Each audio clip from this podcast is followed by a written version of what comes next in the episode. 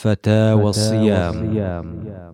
فتاوى الصيام قراءة من فتاوى الصيام من مجموع فتاوى ورسائل فضيلة الشيخ محمد بن صالح العثيمين رحمه الله تعالى. الحلقة الثامنة والعشرون.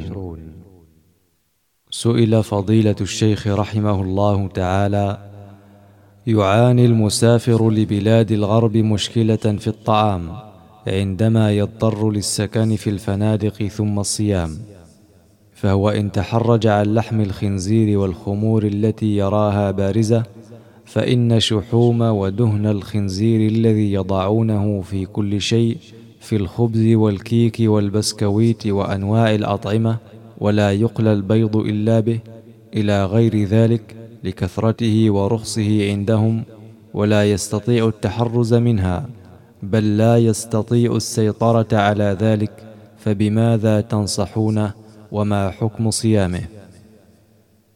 فأجاب فضيلته بقوله ننصحه إذا كان الأمر كما ذكر أن يبتعد عن الفنادق ويكون في المطاعم الخاصة الخالية من ذلك إذا كان يتمكن.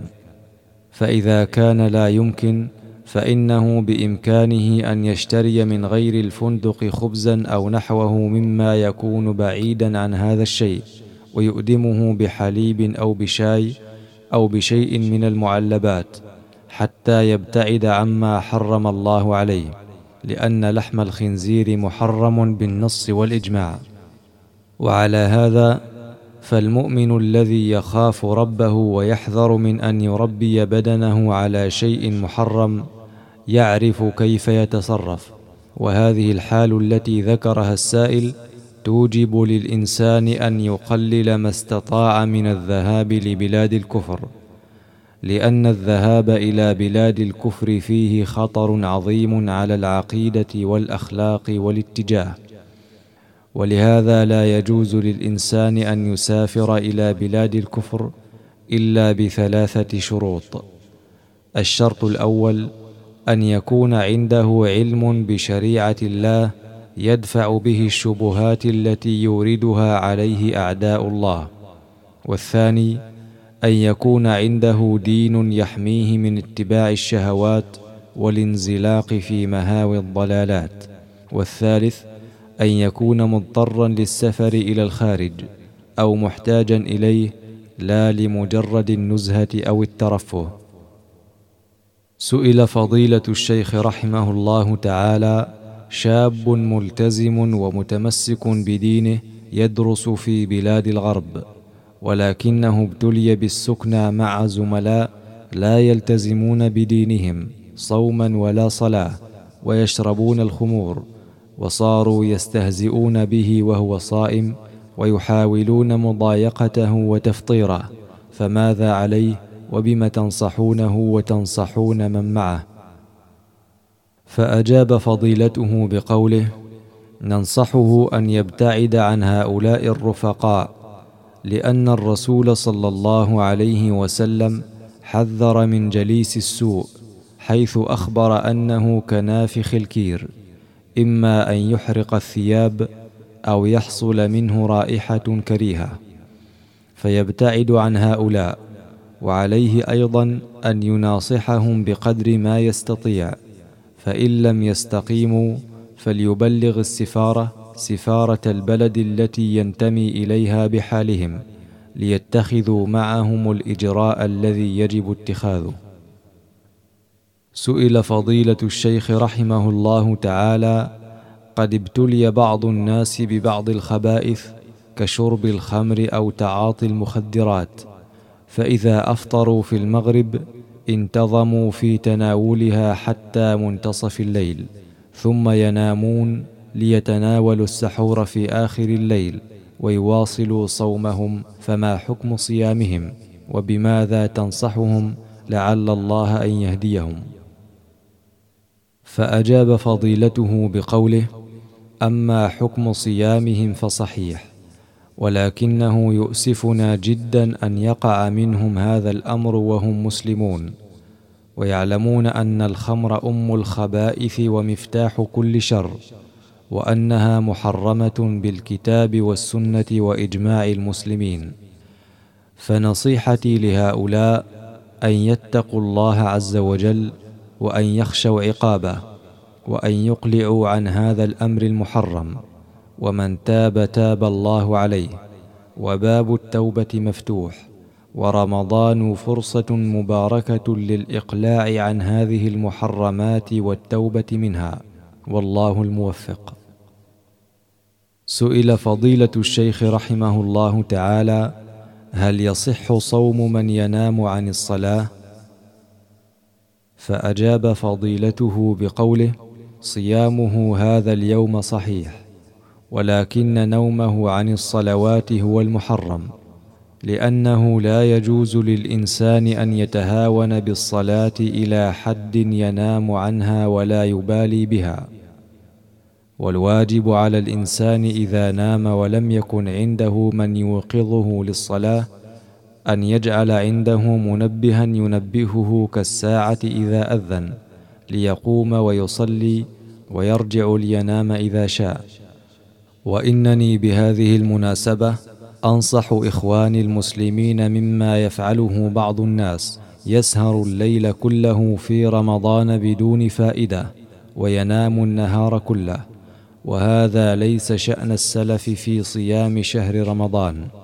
بل كانوا رحمهم الله يحرصون على أن يستغلوا هذه الفرصة الثمينة بالتقرب إلى الله بأنواع الطاعات من الصلاة والذكر والصدقة والإحسان إلى الخلق.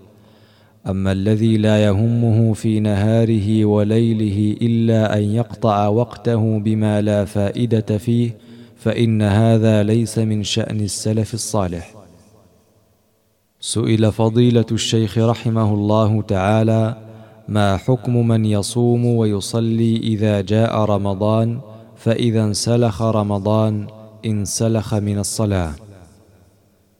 فأجاب فضيلته بقوله الذي يتبين لي من الأدلة أن ترك الصلاة لا يكون كفرا إلا إذا تركها الإنسان تركا مطلقا وأما من يصلي ويخلي فيصلي بعض الأحيان ويترك بعض الأحيان فالذي يظهر لي من الأدلة أنه لا يكفر بذلك لقوله صلى الله عليه وسلم العهد الذي بيننا وبينهم الصلاة فمن تركها فقد كفر أي الصلاة.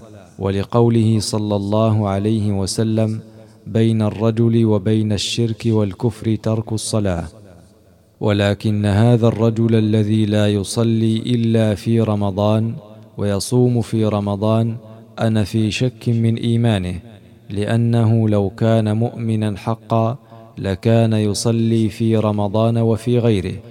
أما كونه لا يعرف ربه إلا في رمضان فأنا أشك في إيمانه لكنني لا أحكم بكفره بل أتوقف فيه وأمره إلى الله عز وجل.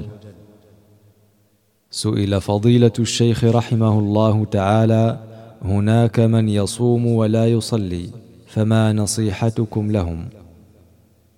فأجاب فضيلته بقوله نصيحتي لهؤلاء أن يفكروا مليا في أمرهم وأن يعلموا أن الصلاة أهم أركان الإسلام بعد الشهادتين وأن من ترك الصلاة متهاونا فإنه على القول الراجح الذي تؤيده دلالة الكتاب والسنة وأقوال الصحابة أن يكون كافرا كفرا مخرجا عن الملة مرتدا عن الإسلام. فالأمر ليس بالهين. ومن كان كافرا مرتدا عن الإسلام لا يقبل منه لا صيام ولا صدقة ولا أي عمل. لقوله تعالى وما منعهم أن تقبل منهم نفقاتهم إلا أنهم كفروا بالله وبرسوله ولا يأتون الصلاة إلا وهم كسالى ولا ينفقون إلا وهم كارهون. فبين الله سبحانه وتعالى أن نفقاتهم مع أنها ذات نفع متعد للغير لا تقبل منهم مع كفرهم. وقال سبحانه وتعالى وقدمنا إلى ما عملوا من عمل فجعلناه هباء منثورا. وهؤلاء الذين يصومون ولا يصلون لا يقبل صيامهم بل هو مردود عليهم لأنهم كفار. فنصيحتي لهم أن يتقوا الله عز وجل وأن يحافظوا على الصلاة.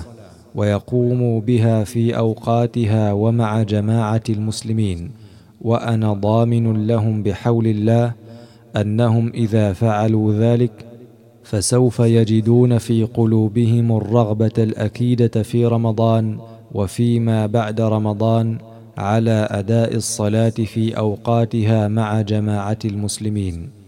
لأن الإنسان إذا تاب إلى ربه وأقبل عليه وتاب إليه توبة نصوحا فإنه قد يكون بعد التوبة خيرا منه قبلها كما ذكر الله سبحانه وتعالى عن آدم عليه الصلاة والسلام أنه بعد أن حصل ما حصل منه من أكل الشجرة قال الله تعالى ثم اجتباه ربه فتاب عليه وهدى سئل فضيلة الشيخ رحمه الله تعالى ما حكم الصوم مع ترك الصلاة في رمضان؟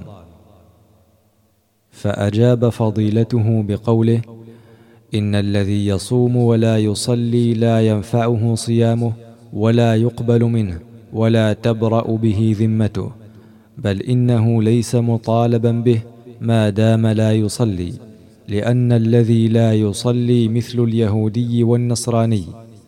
فما رأيكم أن يهوديا أو نصرانيا صام وهو على دينه؟ فهل يقبل منه؟ لا. اذا نقول لهذا الشخص تب إلى الله بالصلاة وصم ومن تاب تاب الله عليه. سئل فضيلة الشيخ رحمه الله تعالى نلاحظ بعض المسلمين يتهاونون في أداء الصلاة خلال أشهر العام فإذا جاء رمضان بادروا بالصلاة والصيام وقراءة القرآن فكيف يكون صيام هؤلاء؟ وما نصيحتكم لهم؟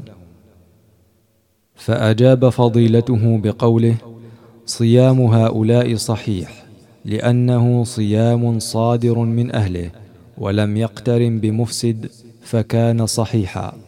ولكن نصيحتي لهؤلاء أن يتقوا الله تعالى في أنفسهم. وأن يعبدوا الله سبحانه وتعالى بما أوجب عليهم في جميع الأزمنة وفي جميع الأمكنة. والإنسان لا يدري متى يفجأه الموت فربما ينتظرون شهر رمضان ولا يدركونه. والله سبحانه وتعالى لم يجعل لعبادته امدا إلا الموت. كما قال تعالى واعبد ربك حتى يأتيك اليقين أي حتى يأتيك الموت الذي هو اليقين. سئل فضيلة الشيخ رحمه الله تعالى النظر إلى النساء والأولاد المرد هل يؤثر على الصيام؟ فأجاب فضيلته بقوله نعم كل معصية فإنها تؤثر على الصيام. لأن الله تعالى إنما فرض علينا الصيام للتقوى. يا أيها الذين آمنوا كتب عليكم الصيام كما كتب على الذين من قبلكم لعلكم تتقون. وقال النبي صلى الله عليه وسلم من لم يدع قول الزور والجهل والعمل به فليس لله حاجة أن يدع طعامه وشرابه. وهذا الرجل الذي ابتلي هذه البلية نسأل الله أن يعافيه منها. هذا لا شك أنه يفعل المحرم. فإن النظر سهم من سهام إبليس والعياذ بالله. وكم من نظرة أوقعت في قلب صاحبها البلاء فصار والعياذ بالله أسيرا لها. كم من نظرة أثرت على قلب الإنسان حتى أصبح أسيرا في عشق الصور. ولهذا يجب على الإنسان إذا ابتلي بهذا الأمر أن يرجع إلى الله عز وجل بالدعاء بأن يعافيه منه وأن يعرض عن هذا ولا يرفع بصره إلى أحد من النساء أو أحد من المرد وهو مع الاستعانة بالله تعالى واللجوء إليه وسؤال العافية من هذا الداء سوف يزول عنه إن شاء الله تعالى. سئل فضيلة الشيخ رحمه الله تعالى هل للصوم فائدة اجتماعية؟ فأجاب فضيلته بقوله نعم له فوائد اجتماعية منها شعور الناس بأنهم أمة واحدة يأكلون في وقت واحد ويصومون في وقت واحد ويشعر الغني بنعمة الله ويعطف على الفقير. ويقلل مزالق الشيطان لابن آدم. وفيه تقوى الله وتقوى الله تقوي الأواصر بين أفراد المجتمع. سئل فضيلة الشيخ رحمه الله تعالى عن حكم الصدقة للأموات وذبح الذبائح في رمضان وإهداء ثوابها للأموات. فأجاب فضيلته بقوله الصدقة للوالدين والأموات جائزة ولا بأس بها إذا كانوا مسلمين ولكن الدعاء أفضل من الصدقة لهما لأن هذا هو الذي أرشد إليه النبي صلى الله عليه وسلم ووجه إليه في قوله إذا مات العبد انقطع عمله إلا من ثلاث صدقة جارية أو علم ينتفع به أو ولد صالح يدعو له ولم يقل ولد صالح يتصدق عنه أو يصلي له. ولكن مع ذلك لو تصدق عن الميت لأجزأه لأن النبي صلى الله عليه وسلم سأله رجل عن أب له مات ولم يوصي فهل ينفعه أن يتصدق عنه؟ قال نعم لكن ما يفعله بعض الناس في ليالي رمضان من الذبائح والولائم الكثيرة والتي لا يحضرها إلا الأغنياء فإن هذا ليس بمشروع وليس من عمل السلف الصالح فينبغي تركه. لأنه في الحقيقة ليس إلا مجرد ولائم يحضرها الناس ويجلسون عليها على أن البعض منهم يتقرب إلى الله تعالى بذبح هذه الذبيحة ويرى أن الذبح أفضل من شراء اللحم وهذا يوجب أن يتقربوا إلى الله تعالى بنفس الذبح فيلحقها بالنسك في غير محله لأن الذبائح التي يتقرب بها إلى الله هي الأضاحي والهدايا والعقائق وهذه ليست منها فلا يجوز إحداث شيء في دين الله تعالى. رسالة بسم الله الرحمن الرحيم. فضيلة الشيخ محمد بن صالح العثيمين حفظه الله. السلام عليكم ورحمة الله وبركاته. أحد إخوانكم من أهلي يسأل عن الحكم الشرعي لما يسمى عشوة رمضان والمقصود بها عندنا أن يذبح ذبيحة أو ذبيحتين ثم يدعو لها أقارب الميت علما أن هذا شبه واجب عند أغلب الناس وفي نظرهم أنه لا يجزئ غيرها من الصدقات علما أن الغالب عدم الفائدة من أكل هذه العشوة وأن الناس يأتون مجاملة للداعي وقد يتكرر وليمة أو وليمتان في ليلة واحدة. بينوا حفظكم الله لنا هل هذا العمل مناسب أو أن هناك طرقا أخرى يمكن الاستفادة منها بدل هذه العشوة؟ والله يحفظكم والسلام عليكم ورحمة الله وبركاته. بسم الله الرحمن الرحيم. وعليكم السلام ورحمة الله وبركاته. هذه الذبيحة التي يسمونها العشوة أو عشاء الوالدين يذبحونها في رمضان ويدعون الناس إليها تكون على وجهين. الأول أن يعتقد الذابح التقرب إلى الله بالذبح بمعنى أن يعتقد أن مجرد الذبح قربه كما يكون في عيد الأضحى. فهذا بدعة لأنه لا يتقرب إلى الله تعالى بالذبح إلا في مواضعه كالأضحية والعقيقة والهدي. الثاني أن يذبح الذبيحة لا للتقرب إلى الله بالذبح ولكن من أجل اللحم أي أنه بدلا من أن يشتري اللحم من السوق يذبح الذبيحة في بيته فهذا لا بأس به. لكن الإسراف في ذلك لا يجوز لأن الله نهى عن الإسراف وأخبر أنه لا يحب المسرفين ومن ذلك أن يفعل كما يفعل بعض الناس من ذبح ما يزيد على الحاجة ودعوة الكثير من الناس الذين لا يأتون إلا مجاملة لا رغبة ويبقى الشيء الكثير من الطعام الذي يضيع بلا فائدة. والذي أرى أن يصرف الإنسان ما ينفقه في ذلك إلى الفقراء دراهم أو ملابس أو أطعمة يعطونها للفقراء أو نحو ذلك لأن في هذا فائدتين. الأولى أنه انفع للفقراء والثانية أنه أسلم من الوقوع في الإسراف والمشقة على الداعي والمدعو. وقد كان الناس سابقا في حاجة وإعواز وكان صنع الطعام لهم له وقع كبير في نفوسهم فكان الأغنياء يصنعونه ويدعون الناس إليه. أما اليوم فقد تغيرت الحال ولله الحمد. والله الموفق. كتبه محمد الصالح العثيمين في الخامس والعشرين من شهر شعبان عام عشرة وأربعمائة وألف للهجرة النبوية. سئل فضيلة الشيخ رحمه الله تعالى ورد في الحديث من فطر صائما كان له مثل أجره غير أنه لا ينقص من أجر الصائم شيئا.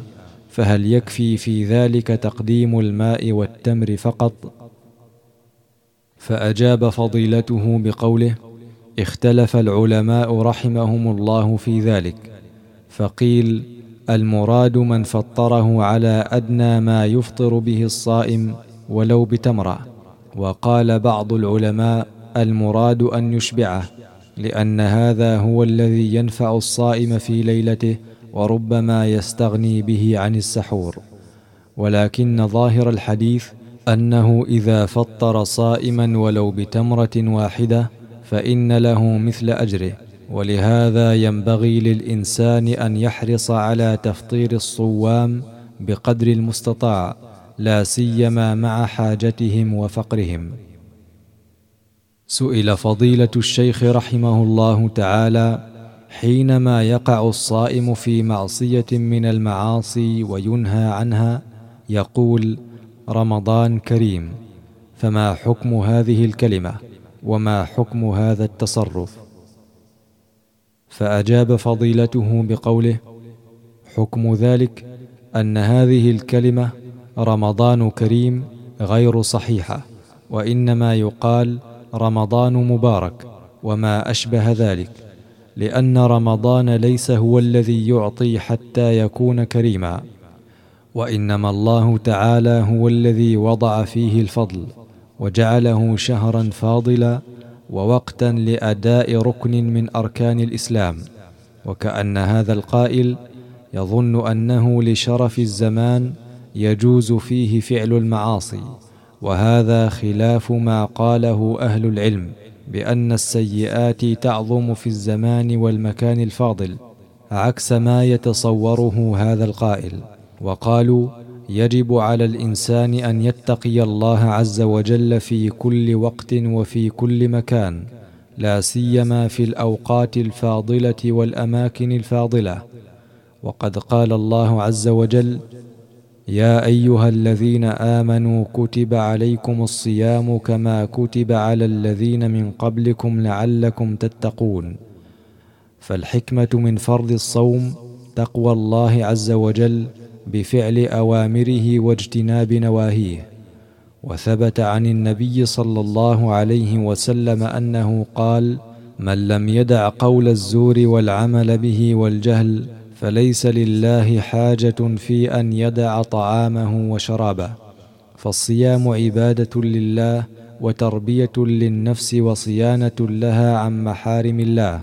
وليس كما قال هذا الجاهل إن هذا الشهر لشرفه وبركته يسوغ فيه فعل المعاصي. نبذة في الصيام. بسم الله الرحمن الرحيم. الحمد لله رب العالمين والصلاة والسلام على نبينا محمد وعلى آله وصحبه أجمعين. وبعد فهذه نبذ في الصيام وحكمه وأقسام الناس فيه والمفطرات وفوائد أخرى على وجه الإيجاز. اولا الصيام هو التعبد لله تعالى بترك المفطرات من طلوع الفجر إلى غروب الشمس. ثانيا صيام رمضان أحد أركان الإسلام العظيمه لقول النبي صلى الله عليه وسلم بني الإسلام على خمس شهادة أن لا إله إلا الله وأن محمدا رسول الله وإقام الصلاة وإيتاء الزكاة وصوم رمضان وحج البيت الحرام. الناس في الصيام. اولا الصوم واجب على كل مسلم بالغ عاقل قادر مقيم سالم من الموانع. ثانيا الكافر لا يصوم ولا يجب عليه قضاء الصوم إذا أسلم. ثالثا الصغير الذي لم يبلغ لا يجب عليه الصوم لكن يؤمر به ليعتاده. رابعا المجنون لا يجب عليه الصوم ولا الإطعام عنه. وإن كان كبيرا ومثله المعتوه الذي لا تمييز له والكبير المهذر الذي لا تمييز له. خامسا العاجز عن الصوم لسبب دائم كالكبير والمريض مرضا لا يرجى برؤه يطعم عن كل يوم مسكينا. سادسا المريض مرضا طارئا ينتظر برؤه يفطر إن شق عليه الصوم ويقضي بعد برئه. سابعا الحامل والمرضع إذا شق عليهما الصوم من أجل الحمل أو الرضاع أو خافتا على ولديهما تفطران وتقضيان الصوم إذا سهل عليهما وزال الخوف. ثامنا الحائض والنفساء لا تصومان حال الحيض والنفاس وتقضيان ما فاتهما. تاسعا المضطر للفطر لإنقاذ معصوم من غرق أو حريق يفطر لينقذه ويقضي. عاشرا المسافر إن شاء صام وإن شاء أفطر وقضى ما أفطر سواء كان سفره طارئا كسفر العمرة أم دائما كأصحاب سيارات الأجرة التكاسي والمرسيدس فيفطرون إن شاءوا ما داموا في غير بلدهم. مفطرات الصائم. اولا لا يفطر الصائم إذا تناول شيئا من المفطرات ناسيا أو جاهلا أو مكرها. لقول الله تعالى ربنا لا تؤاخذنا إن نسينا أو أخطأنا وقوله إلا من أكره وقلبه مطمئن بالإيمان وقوله وليس عليكم جناح فيما أخطأتم به ولكن ما تعمدت قلوبكم فإذا نسي الصائم فأكل أو شرب لم يفسد صومه لأنه ناس. ولو أكل أو شرب يعتقد أن الشمس قد غربت أو أن الفجر لم يطلع لم يفسد صومه لأنه جاهل. ولو تمضمض فدخل الماء إلى حلقه بدون قصد لم يفسد صومه لأنه غير متعمد. ولو احتلم في نومه لم يفسد صومه لأنه غير مختار.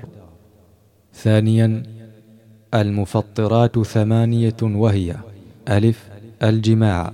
وإذا وقع في نهار رمضان من صائم يجب عليه الصوم فعليه مع القضاء كفارة مغلظة وهي عتق رقبة فإن لم يجد فصيام شهرين متتابعين فإن لم يستطع فإطعام ستين مسكينا. باء إنزال المني يقظة باستمناء أو مباشرة أو تقبيل أو ضم أو نحو ذلك. جيم الأكل أو الشرب سواء كان نافعا أم ضارا كالدخان. دال حقن الإبر المغذية التي يستغنى بها عن الطعام لأنها بمعنى الأكل والشرب. فأما الإبر التي لا تغذي فلا تفطر سواء استعملها في العضلات أم في الوريد وسواء وجد طعمها في حلقه أم لم يجده ها حقن الدم مثل أن يحصل للصائم نزيف فيحقن به دم تعويضا عما نزف منه. واو خروج دم الحيض والنفاس. زاي إخراج الدم بالحجامة ونحوها فأما خروج الدم بنفسه كالرعاف أو خروجه بقلع سن ونحوه فلا يفطر لأنه ليس حجامة ولا بمعنى الحجامة. حاء القيء إن تقصد فإن قاء من غير قصد لم يفطر. فوائد واحد يجوز للصائم أن ينوي الصيام وهو جنب ثم يغتسل بعد طلوع الفجر. اثنان يجب على المرأة إذا طهرت في رمضان من الحيض أو النفاس قبل الفجر أن تصوم وإن لم تغتسل إلا بعد طلوع الفجر. ثلاثة يجوز للصائم قلع ضرسه أو سنه ومداواة جرحه والتقطير في عينيه أو أذنيه ولا يفطر بذلك ولو أحس بطعم القطور في حلقه. أربعة يجوز للصائم أن يتسوك في أول النهار وآخره وهو سنة في حقه كالمفطرين. خمسة يجوز للصائم أن يفعل ما يخفف عنه شدة الحر والعطش كالتبرد بالماء والمكيف. ستة يجوز للصائم أن يبخ في فمه ما يخفف عنه ضيق التنفس الحاصل من الضغط أو غيره. سبعة يجوز للصائم أن يبل بالماء شفتيه إذا يبستا وأن يتمضمض إذا نشف فمه من غير أن يتغرغر بالماء. ثمانية يسن للصائم تأخير السحور قبيل الفجر وتعجيل الفطور بعد غروب الشمس. ويفطر على رطب فإن لم يجد فعلى تمر فإن لم يجد فعلى ماء فإن لم يجد فعلى أي طعام حلال فإن لم يجد نوى الفطر بقلبه حتى يجد. تسعة يسن للصائم أن يكثر من الطاعات ويجتنب جميع المنهيات. عشرة يجب على الصائم المحافظة على الطاعات والبعد عن المحرمات. فيصلي الصلوات الخمس في أوقاتها ويؤديها مع الجماعة إن كان من أهل الجماعة ويترك الكذب والغيبة والغش والمعاملات الربوية وكل قول أو فعل محرم. قال النبي صلى الله عليه وسلم من لم يدع قول الزور والعمل به والجهل فليس لله حاجة في أن يدع طعامه وشرابه. والحمد لله رب العالمين وصلى الله وسلم على نبينا محمد وعلى آله وصحبه أجمعين. كتبه الفقير إلى الله تعالى محمد الصالح العثيمين في السادس عشر من شهر شعبان عام واحد وأربعمائة وألف للهجرة النبوية.